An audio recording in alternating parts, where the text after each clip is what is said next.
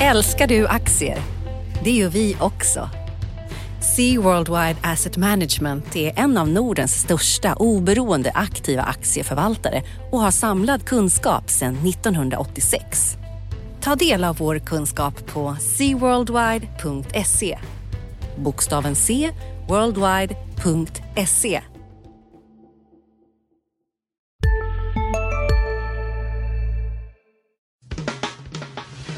Analyspodden från Dagens Industri. Hej allihopa och välkommen till veckans avsnitt av Dagens Industris analyspodd. Jag heter Ulf Pettersson och mitt emot mig har jag Johanna Jansson.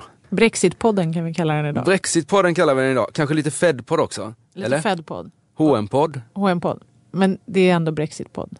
Ja. Ja, det är det som Bra. överskuggar allt. Men jag tycker, jag tycker vi koncentrerar oss idag med de här tre ämnena. Brexit, H&M och Fed, för det är så stort så det är värt, värt sin, sin, eh, sin omfattning.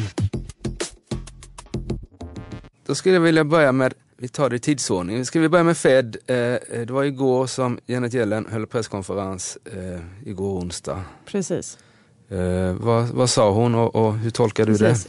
Fed, den viktigaste centralbanken, de gjorde som väntat ingenting. Eller ja, det, alltså de rörde inte räntan, de höjde inte. Men de sänkte sina ränteprognoser och det är intressant eftersom de gör det igen. Alltså skjuter fram de här höjningarna som de har pratat om. Och det visar ju att det är, ja, men det är svårt att höja i en osäker värld och eh, man vill liksom inte ha man vill, inte ha, man vill inte strama åt för tidigt. Man vill inte göra det misstaget som vi gjorde i Sverige till exempel 2010. Men, så att, och det som är grejen tyckte jag också är att nu återkommer den här internationella oron, liksom omvärldsoron. Det är inte så mycket i USA. Visst har man haft en svag eh, sysselsättningssiffra bakom sig men det är inte det, är inte det värsta utan den stora osäkerheten handlar ju om att vi har den här brexitomröstningen som lurar här om en vecka. Just Den här, den här ränteprognosen eller ränteban, ja, väl, vad är det där för något? Är det liksom är det deras syn på marknadsräntan eller vad är det de Nej. håller på att prognostisera? Nej, vad de håller på att prognostisera det är att de har ju den här ränterådet då, som består av de här regionala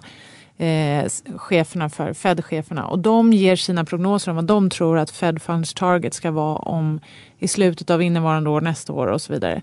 Och då har de dragit ner det så pass långt att till och med på, eh, på några års sikt, liksom den, det som man kan tänka sig att de har som någon slags jämviktsnivå, den är bara på 3 procent. Det är ganska lågt om man jämför med hur det har sett ut historiskt. Och det det här mycket av diskussionen handlar om just nu. Att det, det är låga räntor länge som gäller. Mm. Spännande. Och, eh, och effekterna på marknaden. Eh, New York-börsen vände ner där klockan åtta då när beskedet kom, eller strax före åtta. Eh, och på ränte och valutamarknaden var det stökigt där också, eller hur? Nej, kanske inte stökigt men sen hade man och så hade vi Bank of Japan som gjorde samma sak, det vill säga ingenting Just det. i natt. Och, och så har vi Bank of England som var ute på, nu på torsdagen och heller inte gjorde någonting men också varnade för Brexit. Nu kanske Bank of Japan inte bryr sig lika mycket om Brexit som, som Bank of England och Fed men det är ändå Alltså Brexit är ett osäkerhetsmoment och det är bara en vecka kvar.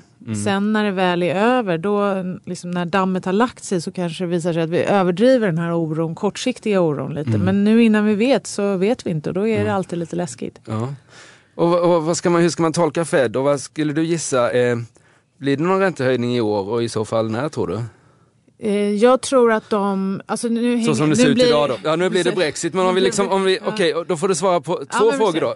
Inklusive Brexit, alltså att, Ja. att eh, britterna Blir lämnar eller Ja men de kan nog höja räntan kanske även eh, vid en... Alltså, bara för att det blir en Brexit betyder inte att hela världen stannar. Det är inte så. Men, eh, men givet att britterna röstar för att stanna då kan ju Fed återkomma. Det tror jag absolut. Och börja vara lite mer hökaktig igen och höja räntan någon gång i september. Men inte juli. Nej, inte juli, det är så nära inpå. Sen så vill de nog ha lite mer statistik som visar att ekonomin tickar på. Men alltså, det, man ska inte överdriva liksom, svagheten i USA-ekonomin. Vi hade en väldigt svag sysselsättningssiffra, men det var en siffra ehm, och en fluga gör ingen sommar. Och det finns annan statistik som, som ändå visar att konsumenterna de fortsätter shoppa. Och, Ja, men det, är- det, är inte, det är inte urdåligt. Och sen kan man också tänka sig att den här svaga sysselsättningssiffran faktiskt beror på att det börjar bli lite svårare att hitta arbetskraft. Just Alltså, det, de har haft varit- en väldigt lång återhämtning på arbetsmarknaden. Nu är det bara de som, som aldrig får jobb som, som inte har jobb så att säga. Nej, och det är klart att de vill man ju helst, går det riktigt bra i ekonomin då får ju till och med de jobb. Bra. vi kanske man ska säga. Vi, de, de, vi, vi. De, vi. Ja. Ja, bra, är det något mer vill du säga kring, kring gällen och, och Fed och sådär? Du tror på en, om, om britterna väljer att stanna kvar i EU, då tror du på en räntehöjning i september. Mm. Samtidigt ska man ändå tänka så här, de snackade om fyra höjningar när de började höja Ja. i år. Och nu ser det ut att det kunna bli två. Så Ja. det går ju, oavsett så går det långsammare och det Mm. kommer låga räntor länge är fortfarande temat. Men eh, än så länge har inte USA-ekonomin stannat av helt. Och sen över till det riktigt intressanta då, Brexit här. Det börjar Ja. ju... Ska vi se För du vet vad som ska hända, eller hur? Ja, det, Har du fått ett tips? Ja, jag vet, eller det vet jag inte, men jag, jag, kan, jag kan göra en kvalificerad gissning på vad som kommer hända beroende på vad som händer kan man säga eh, Ja. på marknaderna. Eh, jag pratade med någon, någon, någon stor aktör här som trodde på exempelvis eh, 5-7% upp och ner på börsen beroende på om det blir Brexit eller inte. Och- Ganska, Precis, Ganska det lätt, omgående. lätt, stannar de kvar blir det lättnadsrally och då ska det, börsen upp 5% ja, minst 5%. Ja. Och, och blir det en, en, lämnar de så är det 5% ner ytterligare. Vi har ju redan tappat eh, 6, 6% på Brexit här sista veckorna kan man säga. Men det finns kvar att göra. Anledningen att det är, liksom, det är ju så genuint osäkert. Alltså, bara för några veckor sedan så var ju spelbolagen som är lite mer offensiva än, än väljarundersökningen. De var ju, det stod ju liksom, det var ju fem sjättedels chans att det skulle bli att de skulle liksom stanna kvar och då max en sjättedels chans att, eller sannolikhet att, att de skulle lämna då britterna i EU. Men, men nu, är det ju, nu väger det ju jämnt även Alltså det obehagliga i det här och det är väl också en reflektion av våran tid är att vi svänger så fort på all ny information. Mm. Och liksom spelbolag, dels har vi det här med opinionsundersökningen och spelbolagen som då svänger eh, har svängt från att britterna ska stanna till att man nu tror att de ska gå ur. Och det, det är ju inte omöjligt att det faktiskt får mobilisera en del väljare som vill gå åt Alltså att man om, man, om det nu är en övervikt för att lämna. Ja, Om jag vill stanna kvar då borde jag vara mer benägen att gå och rösta. Givet att det ser ut som det gör. Ja. Om min sida leder så behöver, jag- kan jag ligga kvar på sofflocket. ja. Man vet ju att det finns en stor övervikt för att unga, ehm, unga är mer, de vill stanna kvar och de äldre vill lämna. just det. Så att eh, för de som vill stanna då gäller att de unga går och röstar. Mm. Ja, ja, det blir ju jättespännande. Det blir liksom en extra, det är några sådana här midsommaraftnar som man kommer ihåg. Sverige-Ryssland 94 tror jag det var, eller så, ja, Ryssland hette det nog då i, i fotbolls-EM 94. Men det här kan också bli en sån här spännande midsommar, midsommarafton. Men Eh, sen, men sen en annan grej det här med sociala medier och att man liksom, och det är just det här med att nu, det haglar ju verkligen eh, prognoser om vad det här innebär, en Brexit. Alltså Mm. Ja. det, och det, I och för sig så verkar de flesta ekonomer vara överens om att de, de ekonomiska effekterna blir dåliga av att eh, Storbritannien skulle gå ur och man ska hålla på och trassla med regler. Alltså, Det enda, de enda som gynnas är väl advokatbyråerna kanske. Men, Ja, ja, det var på. Jag kan, jag, jag kan ju begripa de som, vi hade ju någon eh, debatt, eh, debatt i veckan här i tidningen om någon, någon svensk, svensk britt som tyckte att, att eh, lämna var en bra idé och sådär. Och det är ju, frågan är ju hur EU tar emot det här lite. De kan ju inte ta emot ett, ett knappt ja som liksom ett, ett eh, liksom klara färdiga kör. Nej. För att mer integration, för det är ju där det handlar om alltså att, att folk, folket och politikerna är inte riktigt på samma, har inte samma hastighet in i, i det här stora EU-samarbetet så att säga. Nej men så är det ju och där tror jag att eh, där är väl eh, handsken kastad på något sätt. Mm. Eller hur man nu ska uttrycka det. Att eh, hur det än blir med resultatet i den här omröstningen så har EU Alltså EU kommer behöva ta en annan väg än vad, och det har de ju också indikerat. Donald Tusk som är ordförande för Europeiska rådet, han var ju ute och sa att ja, men det, vi kan inte fortsätta den här vägen mot en allt eh, mer sammanflätad union Mm. utan vi måste ta det lite lugnt. Och det är klart att det, det hade nog folk kunnat berätta för dem redan för två år sedan. Men, Mm. men eh, Ja. Så Men vad, vad, vad, vad, vad gissar du då? För det var om vi tar det skotska valet exempelvis. Eh, när det nu var, det var två år sedan kanske, så var det ju liksom också, åh vad hände, ska Skottland bryta sig ur liksom, Mm. Storbritannien? Men det blev ju ganska eh, klart att de skulle vara kvar liksom. Och Mm. sådär. Man brukar ju alltid säga att nej, men, det som det, det alternativ vi har idag brukar slå det nya alternativet så att säga. Men det är klart nu, nu vet man inte för nu har ju liksom man tar det säkra för det Ja, osäkra. men nu har ju faktiskt prognoserna ändrats i, i fel riktning så att säga. Ja, Precis och det är så mycket, det är, alltså, alltså, de som vill stanna de har alla de här ekonomiska argumenten. De har alla eh, tunga instanser som säger att stanna kvar, det är allt. Sista dagarna nu på vårens stora season sale. Passa på att göra sommarfint hemma, både inne och ute. och fynda till fantastiska priser. Måndagen den 6 maj avslutar vi med Kvällsöppet i 21. Välkommen till Mio. Har du också valt att bli egen? Då är det viktigt att skaffa en bra företagsförsäkring. Hos oss är alla småföretag stora och inga frågor för små. Swedeas företagsförsäkring är anpassad för mindre företag och täcker även sånt som din hemförsäkring inte täcker. Gå in på swedea.se företag och jämför själv. Från den egna centralbanken till president Obama till eh, IMF till eh, Eh, IMF-chefen var ute här bara i veckan och sa att eh, det handlar bara om mycket dåligt eller lite dåligt om mm. Storbritannien går ur. Så det, men samtidigt finns det ju en risk i, och det är återigen till det här med att vi är så känslostyrda och styr så mycket mm. av som, det som skrivs i media och sociala medier. att När alla de här tunga politikerna, byråkraterna, mm. instanserna säger stanna. Vem mm. vet om det blir en sån motreaktion eftersom ja, lite handlar om just det här att man vänder sig mot etablissemanget så att folk går och röstar för att gå ur. Mm. Det är sjukt osäkert och det ja. har det varit hela tiden tycker jag. Ja det har det och det ska bli jättespännande att följa. Och eh, som sagt var, det blir börsfall Ja, det är, ju, det är ju inte nästa vecka. Det kommer det röra sig, det man kan väl säga så det kommer röra sig oavsett vad resultatet ja, det, kom, blir. det kommer röra sig även inför tror jag just att, att nu kommer ju alla de här eh, valundersökningarna och de påverkar. Idag har vi liksom en, en negativ dag, det är ju ja, delvis gällen då men även liksom nya undersökningar då. Fast tror du inte, så tänker jag i alla fall, är det inte större sannolikhet att det går ner inför? Om man nu jo. måste välja någonting, att det går ner inför och upp efter än tvärtom? Jo det tror jag. Jag tror att man, man är nog... På börsen alltså? Ja, på börsen. Mm. Jo, jo, så är det nog att det liksom brukar... Det är ett väldigt, ett väldigt offensivt köpbeslut för de som liksom handlar med, med andras pengar att liksom betta på ett val så att säga. Så då är ja. nog, det är liksom aldrig fel att vara försiktig lite grann. Så det, och det gör väl att man säljer då inför här. Och så får vi se. Så, så, så kan det säkert bli, men det, det är ytterst osäkert. Man kan säga att de som ändå har satt ner foten, SE-banken till exempel, de räknar ju fortfarande med eh, ja, en större sannolikhet för att britterna är kvar trots att oddsen då har förskjutits de senaste veckorna mm. mot lämna. Så det, ja, det är många, ja. men ja, det är jätteroligt och spännande på alla sätt. Mm. Vi vet på midsommarafton. Det vet vi.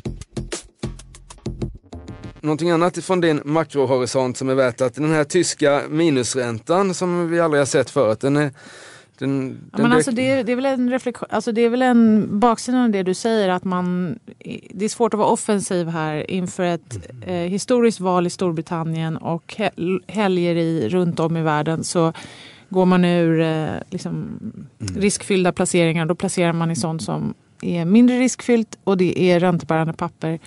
Och det är vissa metall... Guldpriset har ju stuckit iväg också ordentligt. Men jag tror också att det är någonting annat som lurar i de här eh, placeringarna. Guldet kan ju vara en sån här...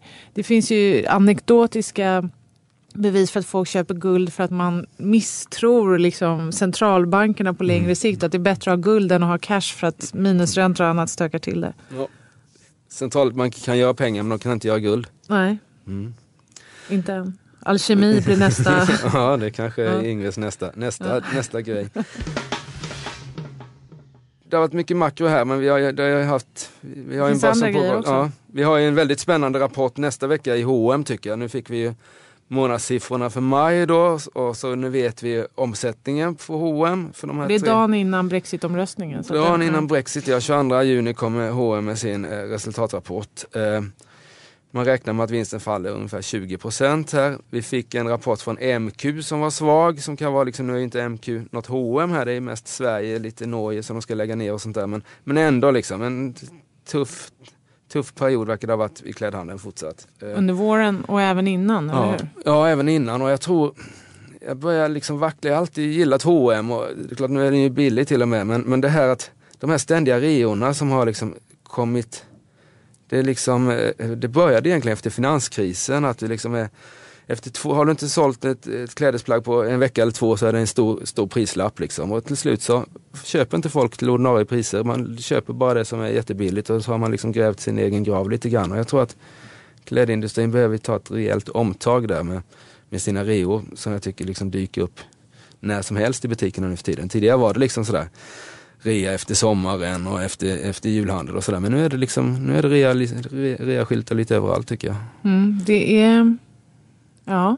Det är, det är intressant för jag tänker ju så här makro, det är ju deflation på något sätt. Och det är ju det vi vet, det är låg inflation. Men det räknas ju inte, en rea är ju inte en pris. Ja nej, du vet katten hur det är där. Ja, eh, så det, och där får vi se hur H&M och jag tycker att H&M de brukar göra liksom en poäng av att helst vill vi inte vara på börsen och sådär. Trots att de har varit på börsen nu i över 40 år så borde man liksom, man kan inte ångra ett beslut som är 40 år gammalt på något sätt. Eh, eh, och man ska inte glömma bort att familjen Persson trots allt är minoritetsägare. De har ingen majoritet vad det gäller kapitalet. I rösten har de det då. Så jag tycker att med den här, den här stora osäkerheten som finns, dels H&M som bolag och sen så branschen och den här väldiga förändringen och digitaliseringen och e-handeln som nu inträffar, hur det påverkar. Jag tycker det vore dags för dem att, att liksom göra eh, lyfta på förlåten på riktigt och berätta liksom i detalj hur de tänker sig världen och hur de ska driva bolaget. Jag tycker de är, är Deras skyldiga. strategi framöver. Ja, jag tycker de är skyldiga aktiemarknaden det med tanke på att den har gått så pass dåligt mot börsen och mot Inditex och allt möjligt sista tiden. Har, jag- de, har de spretat för mycket med för mycket olika projekt i... Nej, men jag tror att det är svårt att veta. De påstår att ja, vinsten faller till följd av att vi investerar mycket i liksom digital, digital satsning och sådär. Men jag tycker att man ska liksom börja berätta och liksom förklara hur, hur de ska få ihop det här med att öka antalet butiker med 10-15 procent samtidigt som vi har liksom en där hela tillväxten och mer därtill i, i, i klädindustrin går till e-handeln så att säga. För den växer ju så, så liksom, i befintliga butiker är det ju ingen tillväxt längre egentligen eh, någonstans. Och det, hur ska man hantera det där? Vad finns det för fördelar? Kan man spara personal? Kommer liksom hyrorna bli lägre så man kan ta emot det där? Finns det liksom någon sån trend? Eller, hur, eller överhuvudtaget hur de tänker. För jag, jag menar att, att de är ändå på börsen och de är minoritetsägare så de har även ett, ett ansvar mot övriga aktieägare. Så det, jag efterlyser en kapitalmarknadsdag där när efter Brexit någon gång i höst när det allt, allt lugnar ner sig. Det vore, då tror jag marknaden skulle gilla. Mm. Mm.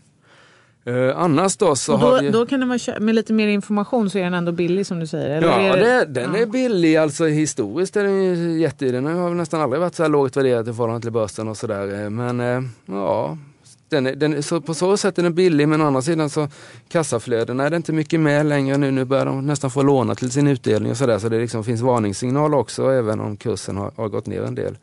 Uh, Men där, jag efterlyser liksom en, en, en lite mer att de ventilerar sina tankar och strategi för det antar jag att de har.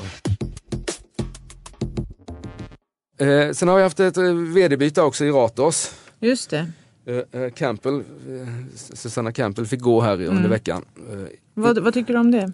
Det var väl vä- på ett sätt väntat kanske? Ja, den har ju gått så förfärligt dåligt aktiekursen så det var ju väntat och en del bolag har också gått dåligt. Och sådär, ja, till och med inte de som superapplåderade där för det var liksom hon har inte haft något lätt jobb och, och liksom ta över ett bolag som var jätteövervärderat. Då är det svårt att liksom skapa aktieägarvärde från den nivån. Eh, och jag tycker att de senaste investeringarna hon har gjort har varit liksom som det ser ut, förutom det här Able och lite sånt där då, KVD, men det var nog inte hon inne så mycket i. Men, men de har gjort en del faktiskt bra investeringar sista tiden. Så jag tycker det kanske var lite synd, men, men det var ju högst, högst väntat eftersom eh, de bytte styrelseordförande och den svaga aktiekursen och, och sådär. Eh, men det var ett svårt, ett svårt bolag att ta över efter Arne Karlsson kan man säga. Ja, man får väl se. Är det, Mm. mer, det är lite karusell, men det är alltid lite karusell på börsen. Eller har det, är det bara jag som tycker att det har varit lite extra mycket karusell? Ja men det har varit lite extra mycket karusell här. Det har varit en del, framförallt har det varit ganska publika vd. Det här Electrolux blev ganska publikt Mm. liksom efter, efter misslyckade affären och sen har vi liksom haft några som har tvingats bort och Swedbank och lite sådär. Så det har varit, det har varit ganska mycket sånt där. Eh, Det är ju så att vd Folk sitter som vd mycket kortare nu än man gjorde för 10-20 år sedan. Tidigare var det väl liksom genomsnittstiden 10 år, nu är den väl nere på 6-7 kanske. Så det, det ska bytas. Eh, Alla banker har ju bytt exempelvis här på kort tid utom eh, SEB där Annika Falkengren sitter kvar. Mm. Bra, eh, vill du göra någon avslutande kommentar Johanna innan vi stänger för idag? Nej, jag tycker att det är... Vi avslutar den här Brexit Fed hm podden med, eh, med att säga att det är just de grejerna Mm. som står i fokus här. precis. Och det blir en jättespännande vecka som väntar här. Mm. Det blir det. Tack ska ni ha där ute allihopa. Tack så mycket. Analyspodden från Dagens Industri. Podden redigerades av Umami Produktion. Ansvarig utgivare Lotta Edling.